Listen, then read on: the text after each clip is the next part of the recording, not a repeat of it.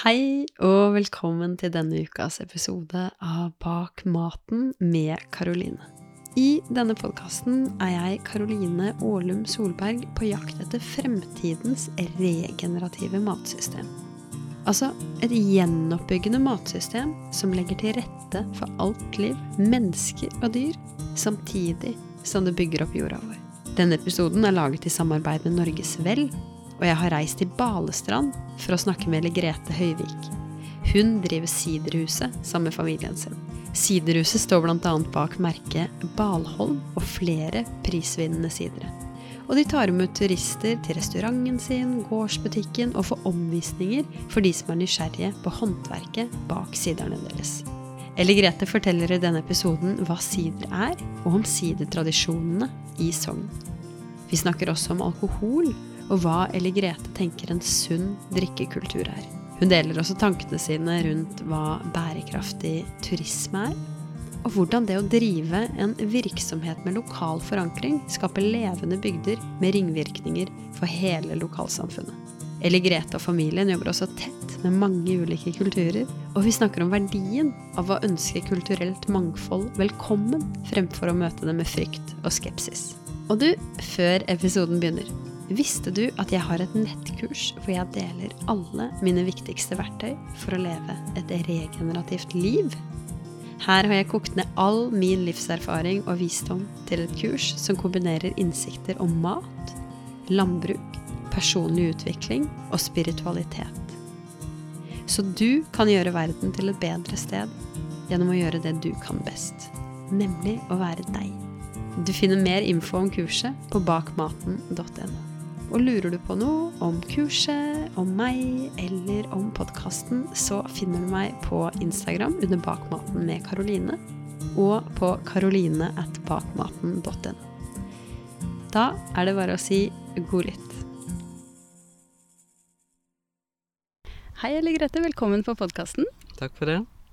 Altså, jeg, jeg, pleier jo å dra rundt og, og besøke de jeg har på podkasten. Og hver gang så tenker jeg at uh, åh, dette var et nydelig sted, og dette kan nesten ikke bli finere. Men dette må jeg jo si er kanskje det fineste stedet jeg har spilt inn podkast.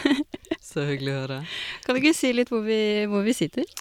Vi sitter i hagen vår i Balestrand, i nærheten av Siderhuset.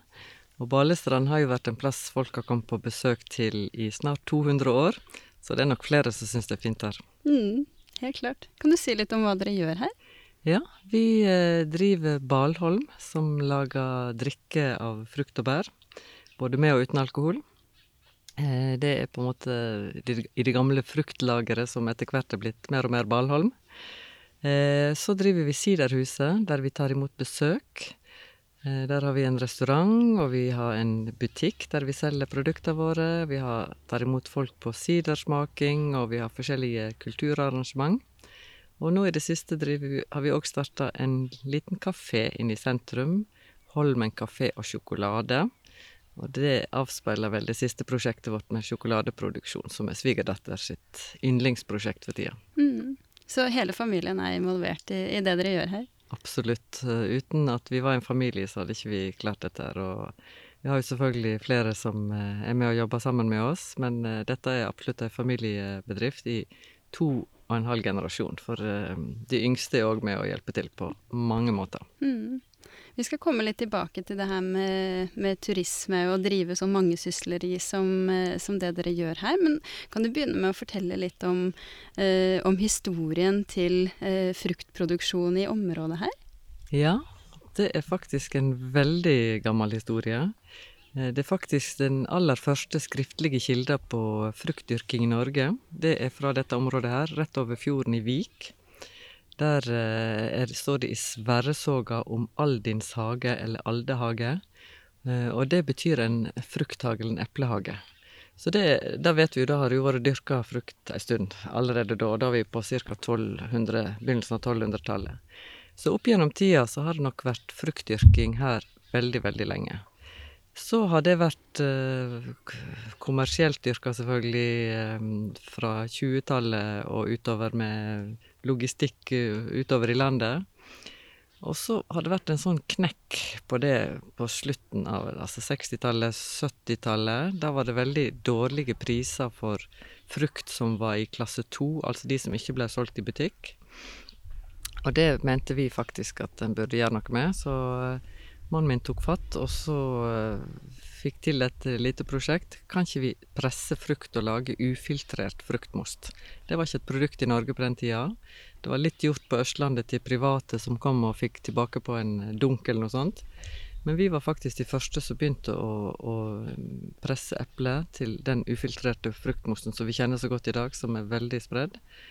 Etter studieturer i Sveits og Østerrike så fikk vi det på flaske og ut i butikk etter vi hadde samla masse utstyr fra Frankrike, Italia, Tyskland, eh, flaskevaskmaskin herifra. Det var veldig sånn Reodor Felgen-prosjekt å få noe som fungerte og kunne gjøre dette. For det var ikke vanlig i Norge på den tida.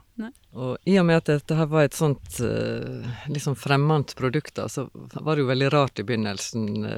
Vi var jo litt sånn dumme sjøl òg, da, og tenkte litt sånn vinspråk, så vi hadde dette på grønne flasker. Og dermed så, når du da har ufiltrert most på grønne flasker, så ser det ut som det flyter noen sånne rare svarte partikler nedi der, ikke sant. Mm. Vi fikk jo haugavis av telefoner og e-poster. Ja, hva er dette svarte, er det noe galt, og er det, er det gjær, er det ødelagt, og så, så vi skjønte etter hvert at uh, vi måtte ha dette, vise at dette er et sunt produkt. Har det på klare glassflasker. Instruksjon om at folk måtte riste flasker for å få med alle de gode sedimenter. Og etter hvert så venter jo folk seg til at dette er et førsteklasses produkt. Dette er virkelig noe sunt og godt, og så gjerne må være på festbordet eller på frokostbordet. Mange av produktene deres eh, blir jo omtalt som produkter i verdensklasse. Hva tror du det skyldes? Det var jo veldig hyggelig å høre, da. Men vi har jo hatt en del av produktene våre på eh, internasjonale konkurranser, særlig sider. Ikke Mostene våre har ikke vi reist så mye med, men eh, siderne våre f.eks. på noe som heter Cider World i eh, Frankfurt, som er den uoffisielle VM i sider, på en måte. Der sendte vi i fjor, i 2020, nedover elleve produkt. Norge tok 24 eller 26 medaljer med opp igjen, som det nest største landet på medaljefangst. Da tok vi alene elleve av de medaljene, så det, det, var jo veldig hyggelig. Og i år har vi hatt, uh, tatt med oss gullmedaljer fra både Spania og Frankfurt igjen. Så i den grad vi kan si at Europa er en viktig del av verden når det gjelder sider, så er det verdensklasse. Mm. Det er veldig hyggelig å vite. Og, det, og i forhold til bredden, for det er alt ifra på en måte den uh, sider med lavest alkohol til fruktbrennevin og dessertvin, så det er på en måte bredde i sortimentet vårt òg. Hva tror du det skyldes at produktene deres er så gode? For det første er jo råvarene her så langt nord veldig gode. Altså frukt fra Vestlandet og enda Det går jo litt lenger nordover. Er prega av eh, litt sånn kjølig sommerklima, eller liksom jevnt klima over hele året, på en måte. Der du får eh, veldig sein modning, lange, lyse netter Jordbæra i Nord-Norge smaker jo aller, aller best, ikke sant. Og det samme med frukt eh, herifra. Så får du veldig rik smak. Og det, når vi tar produktene våre nedover til Tyskland f.eks., så sier de vi kan bare misunne dere den friskheten dere får. Så det er på en måte klimaet, og så er det jo en liten sånn personlig touch òg, da. Eh, han som jeg er gift med, som heter Åge Eitungjerde, som er gründer av Balholm. Han er en ganske kresen person. Eh, så når han ikke liker noe, så liker ikke han noe. så han er veldig sånn kompromissløs på eh, kvalitet, egentlig, da. Så vi prøvde Jeg er styreleder i Ballom, så vi prøvde en sånn Kan ikke vi prøve å lage noe som er litt sånn rimeligere, der vi bruker litt mindre eksklusive råvarer, og prøver å blande litt vann i og sånn? OK, vi kan prøve. Og så prøvde vi. Nei. Nei. Ikke tale om. Ingen! Dette kan ikke vi selge. Så det er ganske heftig på kvalitet. Ja, Så det handler om å være kompromissløs hele veien? Jeg tror det. Altså, mm. det må smake godt. Hvis folk kommer inn i butikken til meg og så sier er det noe du kan anbefale, ja, liksom, det kommer jo an på hva du vil, ja. Er det noe som liksom hva det ser godt her. Så sier jeg det er ikke vits i å lage noe som ikke er godt. Det kan du egentlig bare gi deg med. For det, altså du, du smaker noe som av og til av ideologiske grunner eller høflighet eller eh, du skal støtte lokal produksjon eller et eller annet, da gjør du det én gang. Hvis det ikke smaker godt, så gjør ikke du det to ganger. Mm. Det, så det må en bare jobbe med, rett og slett. Mm. I fjor, i koronaåret, så tenkte vi jo at vi, nå kan vi endelig dra i gang alle prosjekter vi har tenkt på lenge. Bygge lysthus i hagen istedenfor en dam som var litt mislykka. Og så kunne vi dra i gang sjokoladeprosjektet vårt, og enda mer formidling rundt eh, kompost og liv i hagen, og hvordan vi jobber med sirkulær økonomi. Og så drog vi i gang alt dette her, da, og så kommer liksom den dampveivalsen som heter Norske gjester. som vi ikke visste om, ja. på en måte, som uh, har reist helt andre plasser tidligere, og plutselig hadde lyst til å komme f.eks. hit i mm, fjor. Mm, for dere er ikke så vant til å ha norske gjester her? Nei, vi har veldig mye utenlandske gjester vanligvis. Balestrand har fem hotell, og veldig mange andre overnattingstyper, hytte og Airbnb osv. Så, så som sagt så har det gjestgivertradisjon her veldig, veldig lenge. Så eh, vi eh, Jeg tror f.eks. Balestrand er mer kjent i California enn i eh, Oslo, f.eks. Mm. Jeg har lyst til å gå litt tilbake til, eh, til, til sideren her, før vi liksom snakker enda mer om, om, turisme. Kan ikke du fortelle litt sånn, for de som ikke er så kjent med hva sider er for noe, hva, hva er det? Mm. Det er dessverre litt sånn at uh, begrepet sider blir litt misbrukt i Norge. For sider er per definisjon et alkoholholdig produkt. Det er gjæra eplemost, eller most av pære. Men i Norge så er det en del produkt som blir kalt sider, selv om det er alkoholfritt. Uh, så det er litt uh, synd. Det er en europeisk forskrift som tilsier at det ikke skal skje. Eh, men så er den ikke på en måte ratifisert i Norge, sånn at den eh, gjelder ikke. Så det er litt sånn synd, for det er dumt for kunden å bli litt sånn kluss med i markedsføringssammenheng. Så dere er ikke beskytta, eller sider er ikke beskytta her? Ikke i Norge, dessverre. Vi jobber med Landbruksdepartementet for å få til det, men foreløpig så har ikke vi nådd fram. Eh, men sider er jo per definisjon da gjæra eplemost eller, eller most av pære. Og det kan være fra Vi har jo eh, sider som er 4,7% som en kan kjøpe i dagligvare. Og da bryter vi av fermenteringen eh, og lager det vi kaller en ung sider. Som smaker fortsatt veldig mye av råvarene. Eh, smaker lite alkohol og er på en måte litt sånn juice pluss, hvis du kan kalle det det. Eh, så når eh, mosten får gjære lenger, eh, når gjæren får spist opp mer av fruktsukker og omdanner mer til alkohol, så blir det sterkere. Og vi har sider som er 6% og 7% og oppover. Og vår sterkeste sider heter Bjord, og en veldig sånn historisk sider. Eh, der vi har tatt eh, inspirasjon fra det vikingene gjorde. De laga en drikk for å imponere gudene, og den er 16% Oi, ja, det hørtes ut som en sterk sider. Mm. Men er det, sider, er det tradisjon for å lage sider i Norge, eller er det noe som er henta fra nedover i Europa? Det er absolutt tradisjon for å lage sider i Norge, og, og den Bjord som jeg nevner, står jo allerede i Edda-diktet. Der står det 'Bjord gjev eg deg, du brynjekledde apal'. Og apal er et epletre. Ja. Eh, vi bruker fortsatt det begrepet her på Vestlandet. Eh, så der skjønner vi at det var laga sterk fruktdrikk allerede på den tida. Og det, det, er dokumentasjon, som sagt, på det. Det, det står i eh, Frostatingslova at du ikke har lov å stjele eple fra en eplegard osv. Og, så og vi vet jo at hvis folk har frukt og bær, så er de i stand til å lage alkohol. Så det, på 1300-tallet så var det et sånn dekret om hvor mye bjord eh, det skulle betales i skatt inn til bispen. ikke sant? Så vi vet at det er veldig lange tradisjoner. og og eh, fruktdyrking kom ikke med munkene som en utbredt myte i Norge. Det kom med kongsmakta, med Håkon Håkonsson blant annet. Det fører kanskje litt for langt å gå inn på det nå, men det er stor norsk tradisjon. Dessverre ble den litt sånn brutt av eh, eh på en måte innføring av Vinmonopolet, og da gikk den, alle lokale tradisjonene gikk ned i kjelleren og forblei der, på en måte. Det ble ikke utvikla på samme måte som i andre europeiske land med vinproduksjon. Fordi at eh, Vinmonopolet fikk monopol på å lage alkohol i Norge fra 1922 og utover. Og så ble det monopolet brutt eh, på slutten av århundret. Men da var veldig mye To generasjoner var gått tapt, på en måte, i, eh, i, utvikling ut i det offentlige. Men det er klart at alt dette her er blitt bevart, og dette er nå veldig mange som tar opp igjen. og jeg tror vi skal måtte klare å få en sånn sunn eh, drikketradisjon i Norge, og, og gjøre sider til norske vin. Og det er faktisk vår uh, intensjon. At det skal gå an å ha At det skal være en bredde i uh, utvalget av sider som gjør at du skal kunne bruke det til ulike anledninger, ulike typer mat. Og det syns vi er kjekke. Du nevner jo noe her som du kaller sunn drikkekultur. Mm. Eh, hva, hva, hva, betyr det for deg? Jeg tenker at det å konservere frukt og bær gjennom fermentering ikke sant, gjennom gjæring. Det er en metode som har vært brukt alltid, som vi nevner. Det er en fornuftig måte. Eh, måten en bruker det på, er jo noe annet. ikke sant?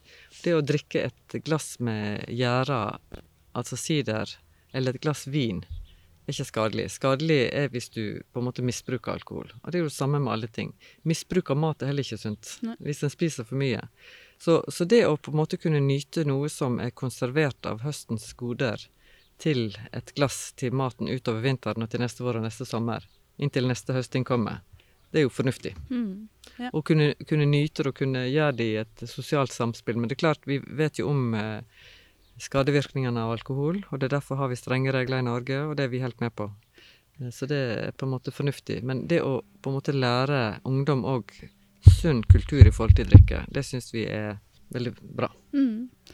Jeg syns det er veldig interessant at du trekker fram det her med eh, og sammenligner det med mat. For vi vet jo også at mat er en av de største truslene for eh, helse i, eh, i, i kanskje veldig mange land i verden.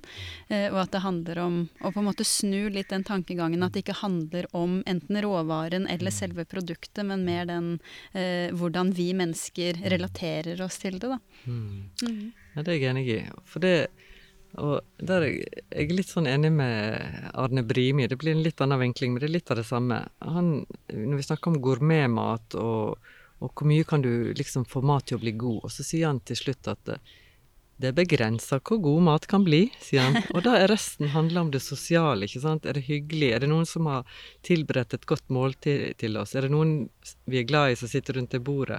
Er det, er, det, er det en atmosfære noen har skapt i en kafé eller en restaurant? Mm. Noe som gjør at maten blir inntatt på en naturlig måte, eller blir mat brukt som helt noe annet, som et substitutt for noe, eller, eller blir drikke brukt for å døyve ting som er negativt i livet. Så det handler om eh, på en måte folkehelse på et sånn bredt perspektiv, på en måte. Mm. Du var jo inne på det i stad når du snakka om eh, en bredde i eh, siderne deres og i Mm. produktene deres. Og dere har jo eh, veldig veldig mange forskjellige eplesorter her. Kan du Mm. fortelle litt om hvorfor dere har valgt, eh, valgt det? Nei, for det er først og fremst mannen min som styrer den butikken, derfor styrer sånn eller Frukthagen, og vi hjelper til. Eh, Men det er han som har kunnskapen om det og interesser for det. Og det handler om at eh, det er så mye forskjellig. Det er sju, ca. 7500 dokumenterte eplesorter i verden av desserteple. Ikke sant? Eh, Og der er det- sånn at eh, nye eplesorter kommer og blir prøvd ut, og noen fungerer til det ene og noen til det andre. Noen liker det ene, og noen liker det andre. Men det at det er en sånn stor verden der ute av eh, eplesorter og fruktsorter generelt, for det er ikke bare eple, og det er litt spesielt her i Sogn. Eh, Sogn eh, er kanskje det området som har eksperimentert mest med ulike typer frukt. Eh, aprikos. Vi, har jo laget, vi hadde jo plutselig 50 kilo aprikos fra treet våre her nede, og veldig morsomt å lage aprikossyltetøy. Eh, vi har prøvd med kvede, som vi plutselig fant som var godt å blande i pæresideren. Eh, Hva er det for noe? Kvede er en, det er en fruktsort som ligner på pære, men den er ikke noe god å spise. Men når du eh, varmebehandler den, så er det veldig god smak sammen med pære. Så gjør pære ofte litt sånn komplisert å lage noe veldig godt og Det blir litt sånn søtlig og litt sånn vammelt på en måte. Men med enten litt syre eller kvede eller ingefær har vi brukt òg, som innblanding til pære, så får du en, ny spennende smak. Og plomme, veldig mange ulike plommesorter, moreller, kirsebær i, Det var til og med dyrka tobakk i Luster. det var jo lenge siden, og ikke fortsett med, selvfølgelig. Men, eh, men liksom, Sogn har alltid vært litt sånn anarkistisk på å hoppe på Ja, det er en spennende ny eh, sort med pære, da. Så hogger vi ned de gamle epletrærne, og så planter vi de pærene, eller morell er tingen, sant. Og så, så blir det masse gode smaker ut av det. Vilje til å prøve noe nytt her, da. ja, litt sånn hopp og sprett eh, og kreative, og så man finne på noe. Det er jo den historien om Lærum-eventyret, på en måte. ikke sant? Det var jo to stamper med bringebær som ble stående igjen på kaien, og så begynte de med bringebærsyltetøy. sant? Så det er liksom koblingen av entreprenørskap og gode smaker, den uh, tror jeg vi er litt stolte av her. Mm. Så vi, altså Folk går ikke sånn i takt. En, en gjør nye og forskjellige ting, og starter opp med ymse. Mm. Mm. Flyter litt med på, på hva livet egentlig har å tilby. Ja, litt sånn. Eh, det er en eh, kamerat av oss på andre sida av fjorden som heter Jens Brekke, som er trubadur, og han sier at ja, men sogningene, du vet vi er nødt til å være kjappe, for det er så bratte fjell her, så plutselig kommer det ei skrede eller et ras. Vi er nødt til å hoppe til side, så vi er nødt til å være litt sånn impulsive og, og kjappe. Så sånn er det. Mm. Men det du på en måte skisserer her med denne diversiteten og, Mm. og alle forskjellige eh, sortene og smakene og det her, det står jo veldig i kontrast til hva man finner i butikkene. Spesielt sånn Jeg bor jo i Oslo, og hvis jeg skal inn i min eh, dagligvarebutikk hva, Mm. Kan du si litt om hvor liksom dette, dette skillet mellom Mm. eh, Ja. Ja, altså vi har jo på en måte opplevd sånn etterkrigstida med veldig sånn standardisering og industrialisering av ting. ikke sant? Så, da, så veldig lenge så var det utrolig standardiserte produkter i dagligvare. Så blomstrer det på en måte opp en motbølge mot det. Eh, Bondens marked er veldig eksponent for det. Hanen med å organisere medlemmene som lager gardsmat. Mannen min var med og starta Norsk Gardsmat i sin tid. Så, så det har på en måte sånn vokst gradvis fram, og Reko-ringene kommet nå i det siste. ikke sant? Så det er på en måte blitt en ny distribusjonskanal, så folk kan få eh, lokal mat eh, litt sånn direkte og fra gardsutsalg og sånn. Men det er klart det, vi for vår del må jo si at hvis ikke vi hadde kommet inn i dagligvare, så hadde ikke vi eksistert. Vi, vi hadde ikke hatt kapasitet, og det hadde ikke vært på en måte vits i for oss å, å fortsette hvis vi bare skulle selge lokalt. Så for oss har det vært helt avgjørende. Men det, det er ofte, det er både med Vinmonopolet og med dagligvare, så er det ofte lett å komme inn i hyllene. Men det er ikke like lett å komme ut igjen av de hyllene. ikke sant? Hva, Altså- hva betyr det? Det betyr at um, du har adgang eh, til produktene dine i en prøveperiode. Eh, så får du komme inn, men hvis ikke du selger, så, så detter du ut igjen. Ikke sant? Og da, da er det på en måte markedsmakt eller, eller på en måte ressurser til å kunne gjøre produktene dine kjent. Det er konkurranse med mange. Sånn at det, det har tatt oss 25 år å komme dit vi er nå. Og da må en tenke og si til alle som prøver at uh, hold ut. Eh, det er lys i tunnelen der framme hvis dere har gode produkt. Det Mm. tenker jeg. Men det, mangfoldet er jo på en måte begynt å bli satt mye mer pris på nå. ikke sant? Folk er, kommer hit til Ballstrand, og da kommer de til butikken vår fordi vi kjøper noe her, eller vi kjøper hos oss. Så veldig mange Det at vi fikk lov Nå snakker jeg sider og alkohol. Vi jobba veldig veldig lenge for å få til at vi skulle få ha det gardsutsalget med våre egne produkt med alkohol. Det var ikke lov. Eh, og det var på en måte sagt at dette var EU-regler, og det er ikke mulig. Så jeg bruker å si at vi har slitt ut eh, tre landbruksministre på, på den saka, og det lykkes endelig for fem år siden. Mm. Og det som skjer da, er at vi istedenfor å måtte forklare norsk alkoholpolitikk f.eks. til alle utenlandske gjester som kommer, som blir veldig skuffa og forstår ingenting at ikke de kan få kjøpe med seg en flaske med sider når de har vært på en sidersmaking og vandring og fått vite alle ting. Og sånn. Nei, dessverre, da må du gå på Vinmonopolet. Nå kan vi heller fortelle hva som er i produktene, og hva det kan brukes til. på det. Ja, og det er en totalt annen situasjon. Så det er jo det vi forventer, for det er jo det som er vanlig når vi reiser til Frankrike eller Italia eller Spania eller hvor som helst. At du besøker en vingård eller et uh, whiskydestilleri. Akkurat det med whisky er ikke, gjelder ikke Norge enda da. Det er ikke anledning for oss å selge frukt. det er opp til Frukt- 22 opp til 22 mm. mm. Så fruktrammene våre må fortsatt få på Vinmonopolet, men det er helt i orden. Når forbrukerne velger å handle deres produkter, hva, hva får de på en måte med på kjøpet? Hva er, de, hva er hele pakka? Jeg tenker det, Vårt mest populære produkt heter Margaret, sprudlende eplemost med rabarbra. Og det fins i både Vinmonopol og Meny-kampanjen nå for tida. Veldig mange kjenner det. Og det de får da, de får et vakkert design som er laga av Olsen Barbieri i Oslo, veldig flink designbyrå. Og så får de en historie om Margaret, som var prestedatter, som kom fra England i, rundt 1890.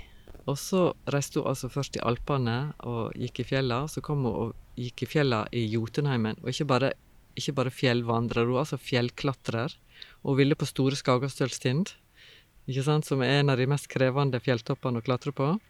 Og vi har bilder av henne på etiketten der hun står med hatt, jakke og langt skjørt og tau på vei til Store Skagastølstind fra Eidegarden i Luster. Det er litt fantastisk å tenke på. Mm. Og så kom ikke hun dit, men hun kom på en annen tinde, Store Smørstad-tinde eller noe sånt. Og så kom hun til Balestrand etterpå. Eh, ville selvfølgelig gå i fjellet her når hun var på ferie. Fikk med seg lokal guide, som var en av hotelldirektørene på Kviknes hotell. Så tok hun på Munkeggi oppover her. Søt musikk oppsto, vet du. Og eh, året etter kom hun tilbake, samme ærend, gå i Jotunheimen og komme til Balestrand, og så forlova de seg.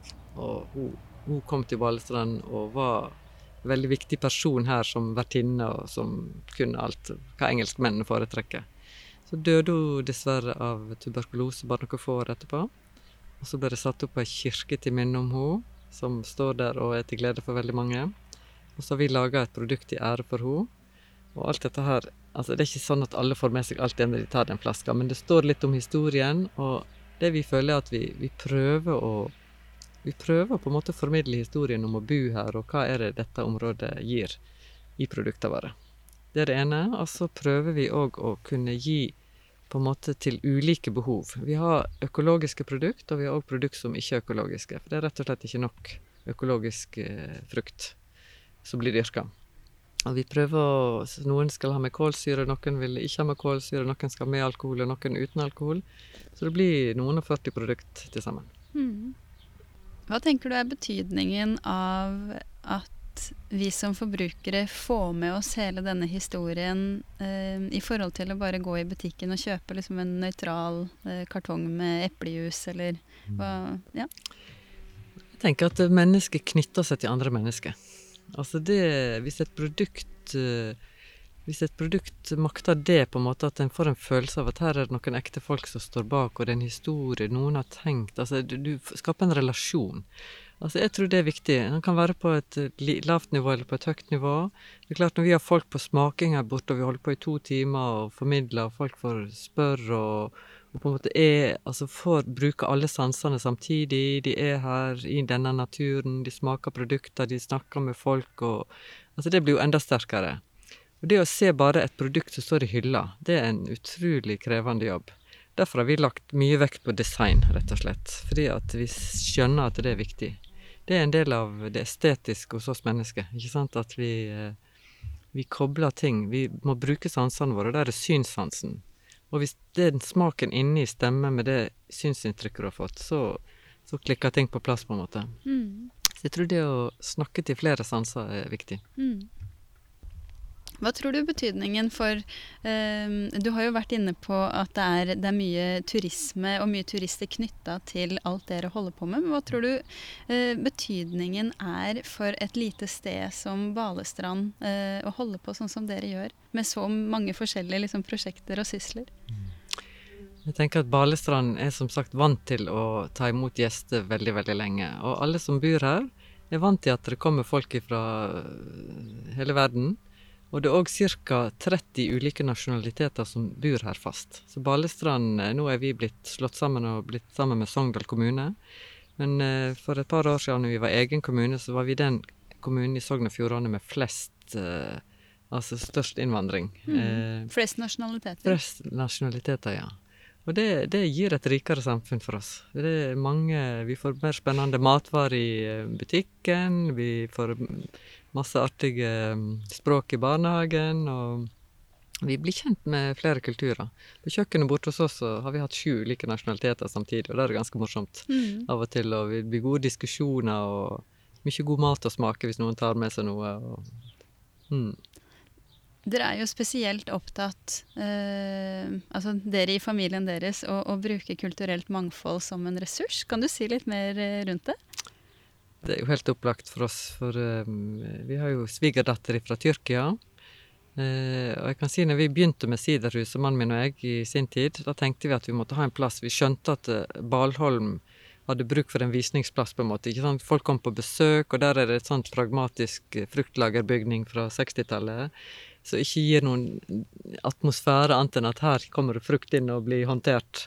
Eh, men eh, i Siderhuset tenkte vi ok, vi får ta imot litt gjester òg, da. Vi får ta imot, Kanskje vi kan lage noe sånn suppe, eller ha litt sånn suppekjøkken. Så viste det seg at folk skulle ha treretters middager, og ja, så det ble jo litt sånn Men vi fikk god hjelp fra kjøkkensjefen på Kviknes hotell, og vi kom i gang med selskap. Men da visste vi jo på en måte når folk kom, og når de skulle reise inn, og hva de skulle spise i mellomtida. Det var liksom litt sånn kontrollert. Og så når Gard, eh, eldstemann, var engasjert i et sånt internasjonalt uh, utvekslingsprosjekt.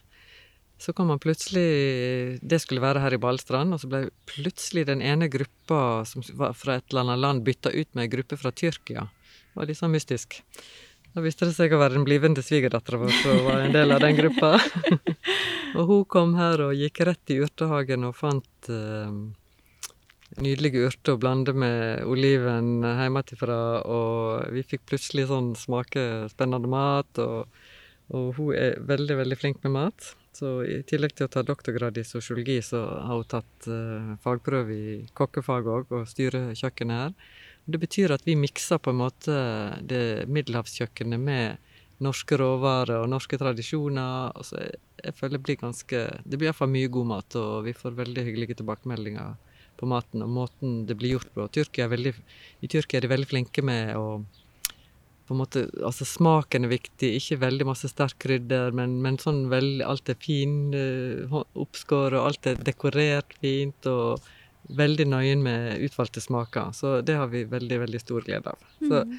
og de to har jo fortsatt med disse her internasjonale prosjektene. Akkurat nå har det vært litt sånn koronapause og stopp uh, i det.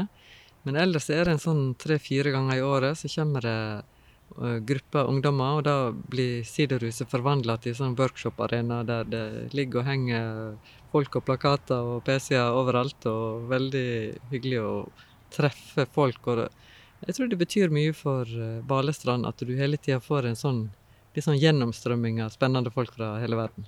Jeg får en assosiasjon til uh, vann som er liksom sånn friskt og renner, istedenfor å bare stå stille i bevegelse og bli sånn grønt og guffent. Nemlig. Og så kommer plutselig noen tilbake, og nå har vi hatt gjester i Sidrus. Ja, han var volontør her, og han var på det prosjektet, og så har de gjort ditt og datt. Og så, så det er Og Amalia, som uh, er vår videofotograf og jobber med film, sant, var en av de første som kom her. Så vi ser plutselig folk igjen i andre roller, og det er veldig, veldig kjekt. Mm. Jeg vet dere, dere på, på, gården her snakker om et begrep som, eh, som, kalles den tredje kultur. Kan du si litt om eh, hva det betyr? Ja. Det betyr at eh, når du mikser to eller flere kulturer, så får du på en måte noe mer enn summen av de. Du får noe, noe nytt som oppstår, som ikke, ikke er der fra før, og som faktisk kan bety mye. Og i forhold til lokalsamfunn sånn som her, som er åpent lokalsamfunn, så kan det bety at, du, at du, altså ting du ikke har tenkt på før, før, i det hele tatt oppstår. Eh, jeg kan ikke gi noen eksempel akkurat nå, men, men eh, ja, hvis noen åpner en kafé med plutselig helt ny mat, eller noen en som har flytta hit, som plutselig kan tapetisere møbler på en helt måte som ikke vi kan i det hele tatt her i landet. ikke sant? Altså Du får, du får noen nye ting, og du får eh, Du får et rikere samfunn, rett og slett. Mm. I naturen òg, hvis vi på en måte skal se til den, så, så snakker man jo også om at summen av én pluss én ikke er to, men at det er så mye mer da, når, får, eh, når det får utarte seg mm. i et naturlig miljø og i et mangfold. Da. Så det er veldig vakkert, det du sier. Ja. Hvis en, hvis en, føler at det er velkomment, på en måte, det man, en, det man tenker at det er sånn at en åpner opp for det og ser er nysgjerrig. Og hva kan, hva kan dette bringe oss? Mm. Mm. Og det er det her. Mm. mm. Men i det du sier nå, så, så, ligger det jo kanskje mellom linjene at det ikke er så velkomment alle steder med, med nye kulturer. Hva, hva, har dere på en måte gjort annerledes her for å, for å, ønske det velkommen? Jeg tror ikke vi har gjort noe aktivt. Jeg tror faktisk den historien til Balestrand eh, der det har vært altså fremmede folk siden eh, begynnelsen på 1800-tallet. Altså I 1819 kom den første kunstneren Johannes Flinto hit for å rett og slett male en, en historie fra vikingtida. Fridtjof Saga. Så han malte eh, de vikinggravhaugene her inne og kalte de for kong Beles gravhøy, altså gravhaugen til kong Bele fra den sagaen. Og siden gjorde denne plassen kjent. Og så har det kommet folk, og fra midten, eller ja, 1894 eh, bygde Eilert Adelsten Nordmann sin første sommervilla her, i dragestil. Dette var jo i norsk domsrørsla med spesiell arkitektur. Så Balestrand hadde best eh, beskytta eh, dragestilshusmiljøet i Norge, faktisk. Og det var jo kunstnere som da kom hit, prega bygda. Eh, det kom en engelsk eh, jernbane baron. Det kom en amerikansk dame fra en meierifamilie i Philadelphia. Eh, det kom enda en annen rik dame fra Boston. De var med og finansierte denne kirka. De var med og samla inn penger så en fikk bygd den første aldersheimen i bygda. Altså, en har på en måte sett at det. Ting, kan gjøre, alt kan gjøres på en annen måte. Ja. Selvfølgelig har vi den vanlige bygdekulturen òg, med skepsis til ting om nei, dette går nok ikke. Men f.eks. Joker-butikken her inne. Fordi at en er kommet fra Syria og er flink til å reparere elektriske ting, så det har plutselig blitt en sånn liten elektrisk avdeling der, og han får utfolde seg. sant? Og, det, og, Silvia er der og har nydelige blomster, hun kommer fra Litauen. Så, så er det plutselig blitt en blomsteravdeling innen Joker-butikken. Og han sjøl er fra Island og har tatt med masse deilig islandsk garn. Så, så, så, det er Altså, jeg tror den åpenheten er fordi at uh, altså, det blir litt naturlig når det bare er sånn. Vi er så mange. Mm. Jeg har lyst til å gå litt over til, eh, til turisme igjen. Um, og jeg, altså, jeg vet uh, dere er opptatt av, dette med bærekraftig turisme. Vi kan jo kanskje begynne litt der. Hva, hva, hva betyr bærekraftig turisme for deg? Uh, det betyr at en ikke ser på turister som en saueflokk som renner ut av en buss. Det er helt uinteressant. Altså, du må se på den gjesten som kommer. Altså, hvis vi tenker at uh, vi har en gjest i huset vårt, eller en, en som er på besøk, sant? da finner vi fram det beste vi har i kjøleskapet og setter fram, og vi har det hyggelig, og vi er spent på hvem denne personen er. Uh, og hvis vi på en måte kan dra det videre og si at en gjest er en besøkende, er en reisende turist, ikke sant? At vi klarer å se på de som kommer som individ. Hvem er du for en? Altså, vi klarer ikke absolutt alltid hvis det blir for mange folk, og sånn, men, men, men, det å, å, på en måte klare å gjøre tjenestene våre både personlig og samtidig at ikke vi arbeider oss i hjel med service, men at vi, at vi, klarer å se hver gjest og er interessert i de som kommer der, prater med de, og, og så får en kommunikasjon. Det, det, er en type bærekraft. Den sosiale bærekraften i det? Ja, kanskje. Og det at det alltid er spennende å bli kjent med Altså, Vi har jo opplevd så masse artige folk, og vi har alltid sånn debrief. Eh, vi spiser litt sent middag, da, for restauranten stenger eh, ganske seint. Så det blir ofte sånn Å ja, og så han som gjorde det, og ja, hun kom ifra Vet du hva hun fortalte? Sant? Og så mm. har vi plutselig opplevd noe nytt og spennende. Det andre er at Balestrand eh, bestemte seg for å være cruisefri havn. Det er jo omdiskutert, men vi tenker sånn her at vi har ingen interesse av at det kommer store cruiseskip og forurenser fjorden her, og renner på land noen folk som bare går rundt og kikker. Altså det, klarer, det, dette er ikke den plassen. Det kan andre ta seg av i tilfelle det er interessant. Men, men her eh, syns vi det er greit at folk kommer, bor, opplever, altså får en relasjon til, til plassen. Og det at vi har de fantastiske fjellene vi har her. ikke sant? Vi har det vi kaller de fire store. Tjuatoten, Keipen, Vindreken og Raumelen. Eh, og folk kommer her nå veldig mye for å gå på turer i fjellet. Det gjorde de i gamle dager òg. Jeg fortalte om Margaret som kom mm. her. ikke sant? Og, og det å, å, komme hit for å bruke fjellene våre, som er en sånn rik ressurs, ikke sant. Og så skal de bo en plass, så skal de spise mat, og så, så, så er det på en måte det jeg vil kalle en bærekraftig turisme. Og da, da får de en relasjon, de blir stolt av seg sjøl at de kommer opp. Vi har for eksempel en eh, turoperatør som heter Backroads fra USA. De tar gjester fra stort sett fra USA eller Australia. Eh, så kommer de hit, så er de ei uke, reiser rundt i Sogn her, går opp i fjella, og siste kvelden er de her i Balestrand. Da er de på tur opp i Raumelen, og så har de siste middagen på siderhuset. Og de er så stolte av seg sjøl, og de er så sultne. Så, og de syns sideren er så god, for de er litt tørste. Og så, altså, da har de opplevd noe som auka Altså på en måte styrka seg sjøl. Da er vi mm. litt, over, litt forbi det vi kaller opplevelsesøkonomien. Og det er det vi kan kalle transformasjonsøkonomien. ikke sant? At det skjer noe med de menneskene. De har vært i Balestrand og gått i de flotte fjellene og sett den utsikta, og det glemmer de aldri. Mm. Mm. Du var jo litt inne på det med cruiseskipa her og sånn, men hvordan, eh, hvordan ser ikke-bærekraftig turisme ut for deg? Nei, altså vi ser jo eksempel nedover i Europa. Du har Venezia, du har Barcelona. Altså Lofoten har jo slitt litt med det samme, ikke sant. Men jeg tror det, det handler om sånn håndtering og, og infrastruktur. Altså at en må jobbe på plansida i de lokalsamfunnene og få ting til å fungere. Det er mye kritikk av Flom, men jeg syns Flom har vært ganske flinke til å lage en god infrastruktur. Gode parkeringsareal, god, altså sånn, god informasjonsopplegg. Og på en måte folks gjester som kommer dit, eh, får det de vil ha, på en måte. For det finnes så mange slags folk. Jeg husker jeg diskuterte med en cruiseoperatør en gang som ville komme til oss med noen gjester. Og så sa jeg ja, uff, ja, det blir sikkert, eh, det er sikkert uh, trasig for de å være inne i Flom der det er så utrolig masse folk samtidig. Nei, sa hun, det er helt feil. Dette er folk som kommer fra Tokyo og Mexico City, og de får helt angst hvis de kommer til en liten plass som Balestrand, for da tror de at de ikke overlever, og hvis de blir syke, så dør de. Ja, ikke sant. Det, er, det er et annet perspektiv enn vi har med oss. Ja, for vi, vi, klarer ikke å tenke oss det å være i en sånn menneskemengde, men det er jo deres hverdag. Så de syns Flom er utrolig smått og nesten skummelt med de høye fjellene. Og såpass infrastruktur må det være som det er, ikke sant? Mens du syns det, det, blir litt mye? Ja, for meg er det litt masseturisme. Ja. Men, men, jeg ser at uh, vi har behov for den typen plasser òg. Som kan, kan, ta unna uh, alle de som har lyst til å komme og besøke Norge. For det vil vi jo gjerne òg. Men det, det, er ganske god plass i Norge, så turismen kan godt spre seg litt utover.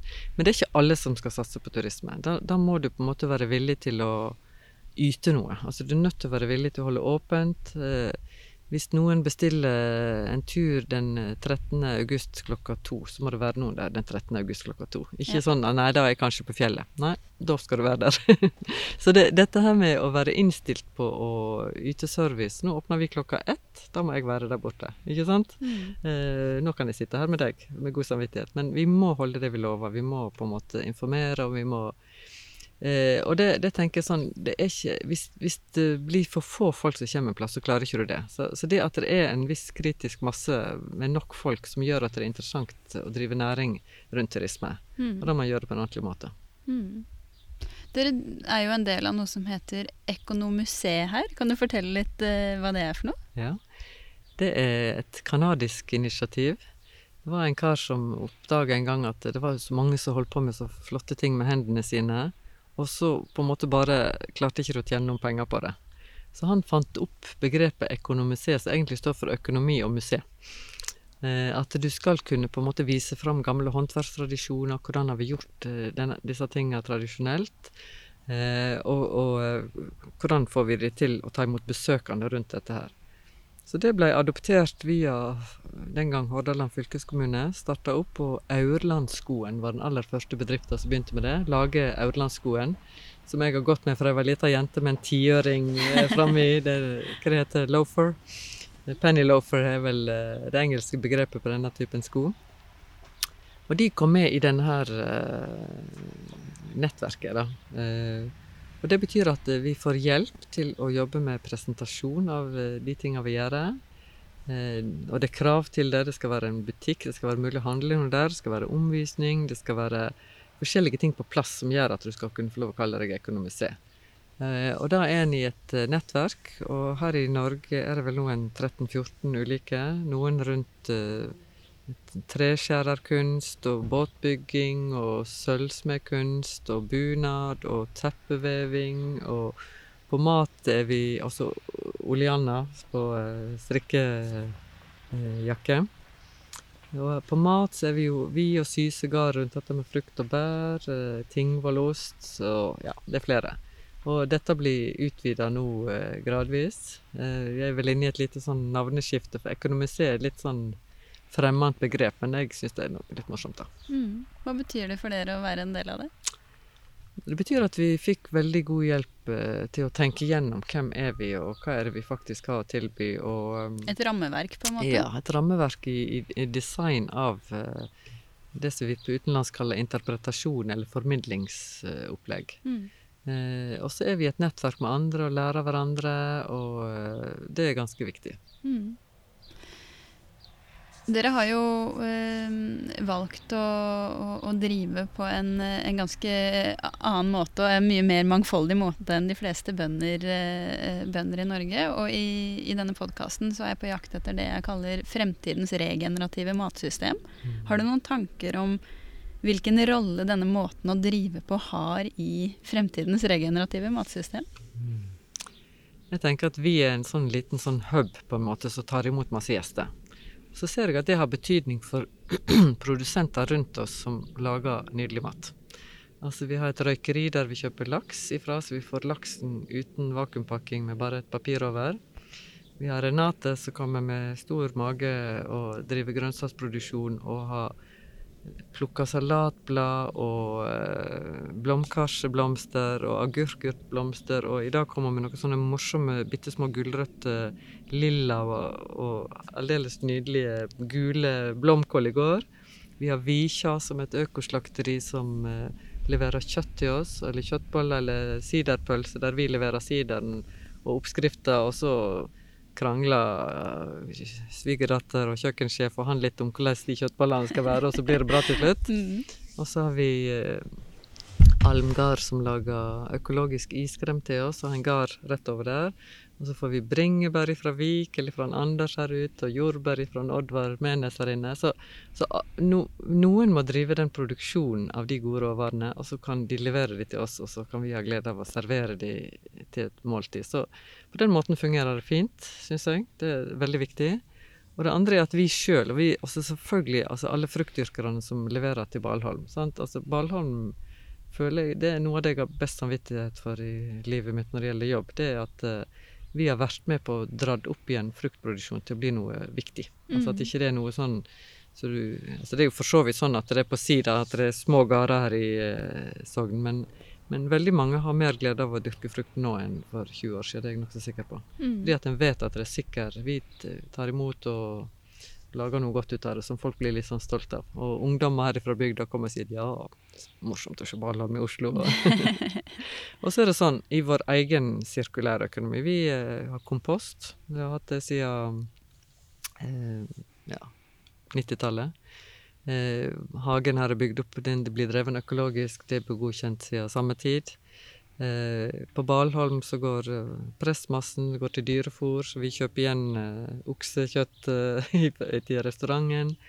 Hvis det går noe galt med produksjonen hos oss, hvis vi presser jo eplene og så prøver vi mest mulig direkte over på flaske, men noen ganger har vi det over på sånn 1000 liter tanker som vi setter på kjøl, og så tar vi igjen og mikser med bær seinere. Av og til skjer det noe feil, og så blir det spontangjæring på de 1000 literne. Da kommer de opp her, og så blir de destillert i destilleri og blir til god epledram. Sant? Sånn at det, er ingenting som på en måte går til spille hos oss. Jeg var eh, eh Tidligere den, eh, den, høsten her så var jeg på besøk hos en, eh, en biodynamisk bonde som introduserte et konsept for meg som, som, egentlig var ganske nytt. Og det var det her med at han ønska seg så utrolig mye større plass. Mm. Uh, og jeg kom på en måte med en tanke om at ja, men alt blir jo større og større, og vi ønsker mm. mindre og mindre enheter. Mm. Men han på en måte ønska seg større plass for å kanskje egentlig skape noe av det dere har skapt her. Den derre uh, helheten innad i bygda, hvor man forvalter et helt område hvor veldig mange er involvert og lager et slags uh, økosystem. Da. Mm. Veldig, veldig inspirerende å høre hvordan dere, mm. hvordan dere, jobber her. Jeg er litt pragmatisk når det gjelder sånne ting. For jeg tenker at eh, hvis du må begynne å organisere fryktelig masse, så, så lager du deg uh, på en måte nye byråkrati Altså, Jeg, jeg syns at den beste formen for samarbeid, det er å skrive faktura til hverandre. ja. Og Det er virkelig sant. Det er, et, det er, en organisert måte som økonomien vår har holdt på med lenge. Og hvis det er interessant, så kjøper vi ting av hverandre. Renate lager nydelige grønnsaker. Selvfølgelig kjøper vi hos henne. Sant? Fordi at vi har økonomi til å gjøre det, fordi at vi selger det videre i restauranten. Så istedenfor at vi skal liksom altså Jeg har jo vært med på Vi er jo med i masse masse slags program og, og nettverk. Og det er veldig krevende å holde det eh, gående over lang tid.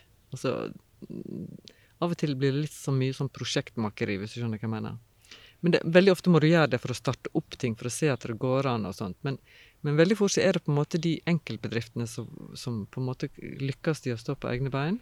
Og så blir de kunder til noen andre, og så kjøper noen tjenester eller varer hos oss. Og, altså det er en type sånn økonomi som faktisk uh, fungerer. Det er ryddig, og det er ordentlig, og det er kontroll mer i, samfunnet vårt, ikke sant. Mm. Så og hvis det ikke fungerer, så er det håndtering på det òg. Ja. Hvordan ser uh, fremtidens regenerative matsystem ut i, i, i, dine øyne? Altså et matsystem som, som, er med og gjenoppbygger veldig mye av det vi har bygd ned de siste mange åra? Mm. Jeg har tro på at det skjer noe nå. Jeg eh, Altså, det å snakke regenerativt, at det på en måte er blitt et dagligord i Bondelaget, det syns jeg er veldig interessant. Det, det, er noe nytt og spennende. Og, og, det trodde jeg ikke har noe med at det har vært vond vilje før, men, men, på en måte nå ser vi at det går faktisk an. Det, er ikke så vanskelig som det så ut. Det er ikke bare sånne, sånne med islendere og briller og skjegg som driver med dette her lenger. Altså dette er faktisk fornuftig og økonomisk eh, interessant. Eh, og det, er, det handler om å på en måte gjøre det attraktivt for barnebarna våre å bo på i denne verden òg. Og jeg tror at eh, Jeg tror det skjer mye, og jeg tror, jeg tror på mulighetene. Jeg ser altså alt det som skjer med giftstoff, at vi begynner å skjønne rekkevidden av hva har vi gjort med Altså alt dette med allergier, intoleranser og alt dette som skjer nå. Jeg tror mye av det kan ha med stoff vi har brukt som vi ikke burde bruke. Og jeg ser at eh, vi, vi må reparere litt der og prøve å mer, gå på mer naturlige metoder på alt. Det, det, tror jeg faktisk det begynner å bli vilje til. Og det, der, det er mennesker som må gjøre det. ikke sant? Mm. Det er mennesker som må ville det, og så må forskrift og lover være litt mer foran uh, Mattilsynet, f.eks. Syns jeg kan godt uh, Trenger ikke være flinkest i klassen i forhold til EU. Kan være litt sånn fremoverlent på å ville noe økosystem. Mm. Mm. Helt til slutt, hva, hva gir deg håp? Jeg synes jo, jeg, akkurat Nå er jeg jo bestemor da, til fire stykker, og så ser de springe rundt her og kunne gi de nydelige bringebær, og så smaker de på eplene som ikke er modne ennå, og syns det er veldig godt. Og, og, så er de med å hjelpe til med ting. sant? Altså, det å være med og gi noen muligheter til å bo på en sånn plass, det syns jeg det gir meg håp. Mm. Og da håper jeg at jeg kan sitte opp på glassverandaen min i gyngestolen og kikke på de etter hvert og se at de driver det videre. Mm. Det hadde vært veldig hyggelig. Mm. Tusen, tusen takk for at jeg fikk komme hit og ha deg med for podkasten. Veldig hyggelig. Takk for at du hørte på denne episoden som er laget av meg, Karoline Aalum Solberg, i samarbeid med Norgesvel. Musikken er produsert av Creo og Liro Sever. Lurer du på noe? Så finner du meg på Instagram under Bakmaten med Karoline og på karoline at bakmaten.no. Vi snakkes.